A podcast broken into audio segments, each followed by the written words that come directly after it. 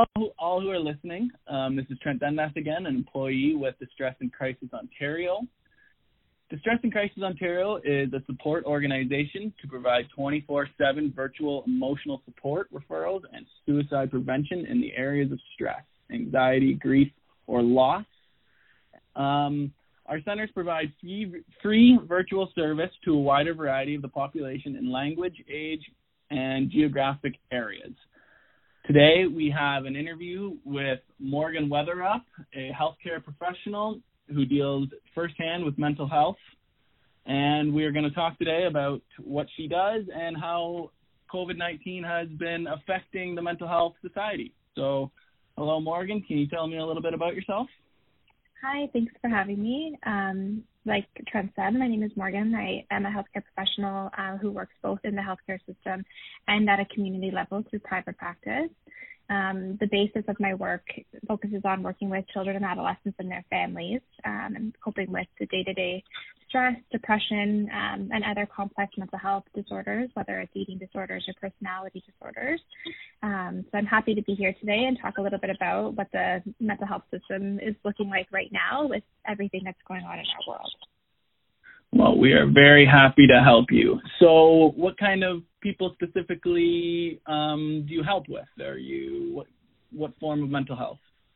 So currently in uh, my hospital practice, I do work with um, some of Ontario and North America's uh, most more, more complex eating disorder cases. So from children from the ages of 12 to 18 struggling with complex eating disorders and other comorbidities. Um, from a community level of practice, I work with families who are going through separation and divorce or kids who are experiencing a wide variety of anxieties, whether that be separation anxiety, generalized anxiety, or social anxiety, as well as OCD, personality disorders, um, and general depression and stress.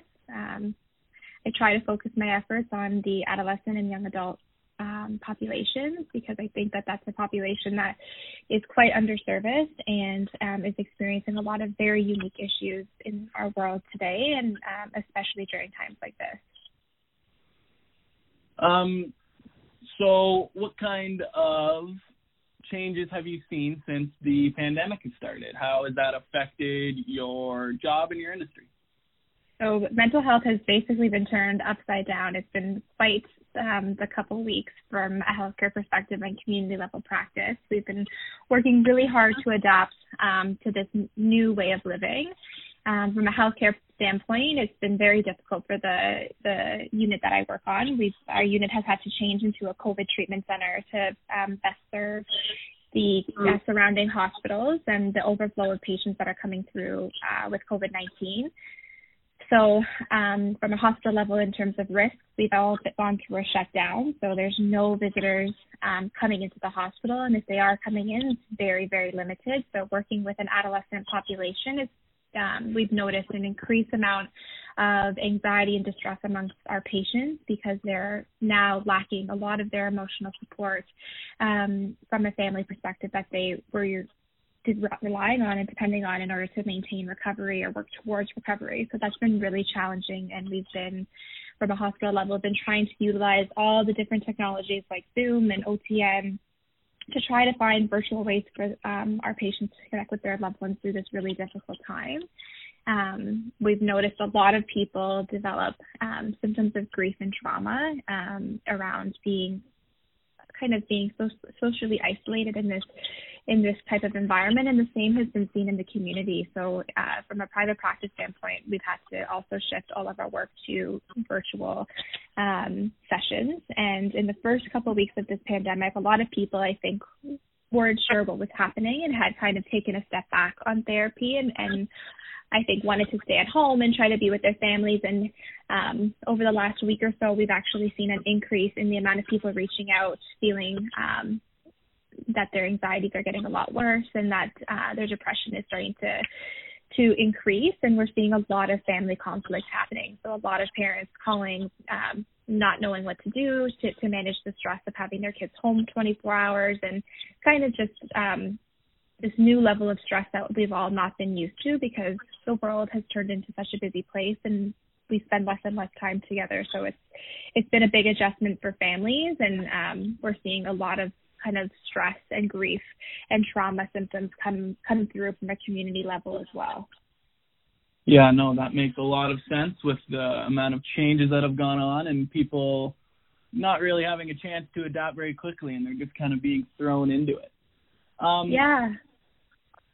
So, what other resources do you have that you can give somebody who is going through that, who you may not be able to help right away, but you can maybe push them towards something? Do you have anything like that that you guys use? Yeah, so um, there's a, a, number of crisis centers that we refer to. So um, Kids Help Phone is doing everything they can right now to ramp up their counselors to um, decrease the wait times, whether it's through calls or texts. Um, and then obviously crisis centers like you as well, who are offering support, has been um, a really, really great resource for us to be able to refer people who are waiting or who we can't help right away. Um, we also are having people um, use uh, a lot of resources that are being available online. So a lot of fitness studios and a lot of meditation studios and yoga studios are now offering um, their classes virtually for free or for a significantly reduced cost. Um, so we're recommending that people really make time to structure their days and include self-care and um, time to be connected and also time to just be connected with themselves rather than others um, to be able to have kind of that peace and that grounding so in terms of what people can do outside of um, formal uh, therapy or formal support, is really, really being able to look at how you can structure your day and and fill these days so that way they're not just rolling by. Yeah, filling your day and keeping yourself busy, I'm sure, has been something that a lot of people have been struggling with that can add to their anxiety as financial losses has been relevant with people losing their jobs and there's a bit of a struggle there. Have you had to deal with much support through that in the financial aspect of it?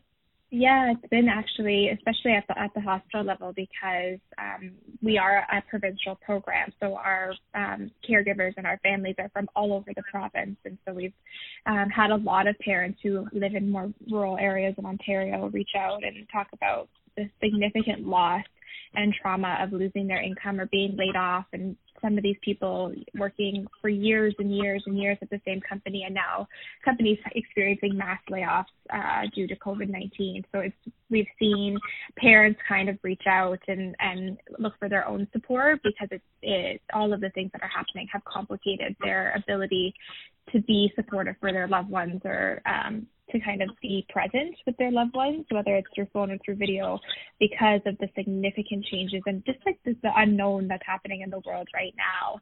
Um, so we've definitely experienced um, some panic from from families and from parents around how they're going to support their loved ones going forward and um, things like that. With all of the changes that will last will outlast COVID nineteen um, in terms of from an economy perspective. Very true. So, have you seen a spike in people who are have been willing to reach out? Have your centers been had an increase in patients, and how have they been kind of learning about you guys? Yeah, so I from uh, from the hospital we haven't um, because all of the other hospitals have been shut down, and we receive referrals from um, other outside hospitals. So we haven't seen a big increase um, in terms of the work I do within uh, the hospital system. But from a community level, yes, there's been a significant increase in um, people over just over the last week. That we was kind of slow for a while when all this started, but over the last week, I think people have started to really realize that they're struggling and that this is going to be longer than um, the initial two weeks that we kind of all thought. Um, so people are, I think, reaching out to us. There's a lot of advertising happening um, on Facebook and on Instagram and through Psychology Today, where you can find a variety of therapists in your area or groups or services.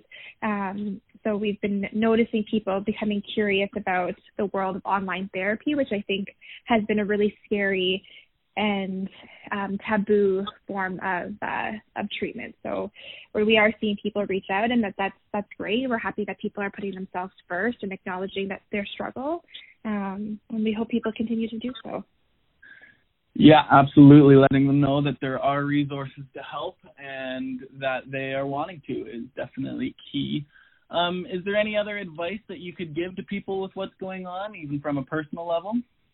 Yeah, I think it's been hard for all of us. So even though I'm a, a, a child and family therapist and kind of on the front lines of all this, it's been extremely stressful, um, even for myself personally. And what I found has been helpful for myself and my family, and also the patients and uh, clients that I work with, has been really, really trying to make sure that you're connecting with the people in your life. So a lot of people are realizing that they actually don't have that strong of connections in their life, or they haven't really um, made long lasting connections. So being able to reach out to people, whether it's people in your family or even like your acquaintances or work friends, and just being able to check in and see how other people are doing because what I've noticed and what my patients and clients have reported back to me that when they've reached out to people they normally wouldn't have or reached out to people that they've not had strong really strong relationships with, it's actually been very refreshing and it's been an opportunity for them to build these stronger and long lasting relationships because everybody's wanting to connect right now and everybody's feeling anxious about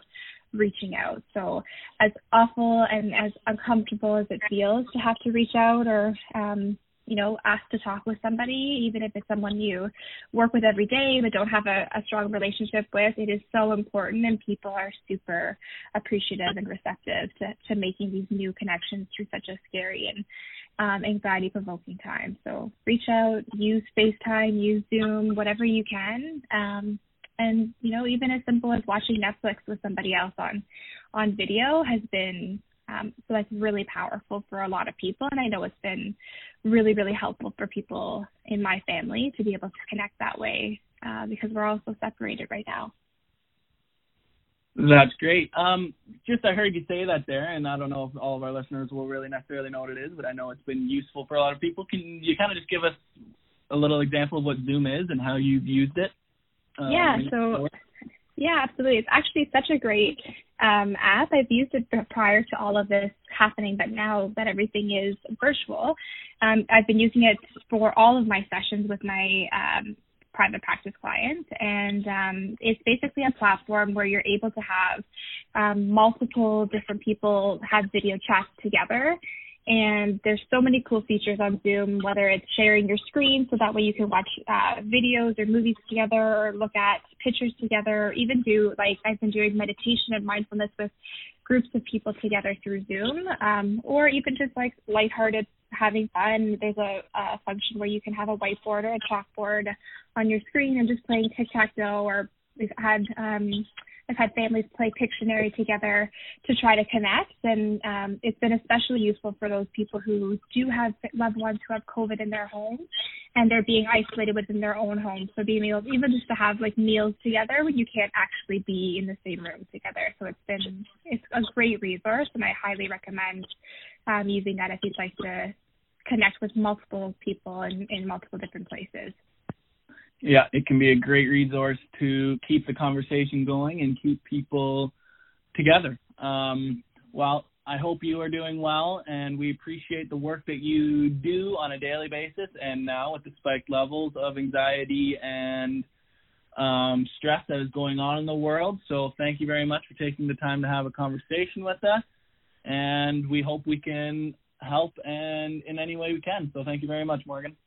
Thanks for having me and thank you for all that you guys do. It's such an important service. Thank you.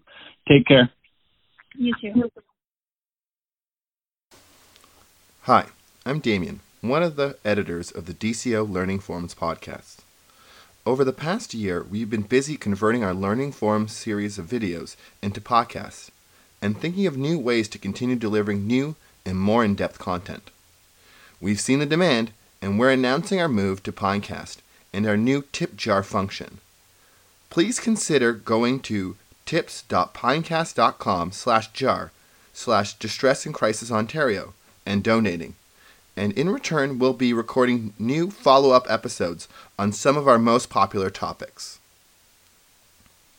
These will be accessible for tippers only and will help pay for travel, web hosting, etc. For the interim, you'll still be able to access existing content on both on both the Pinecast and Fireside feeds for free, but eventually we'll be making the switch to Pinecast. Thank you for your understanding.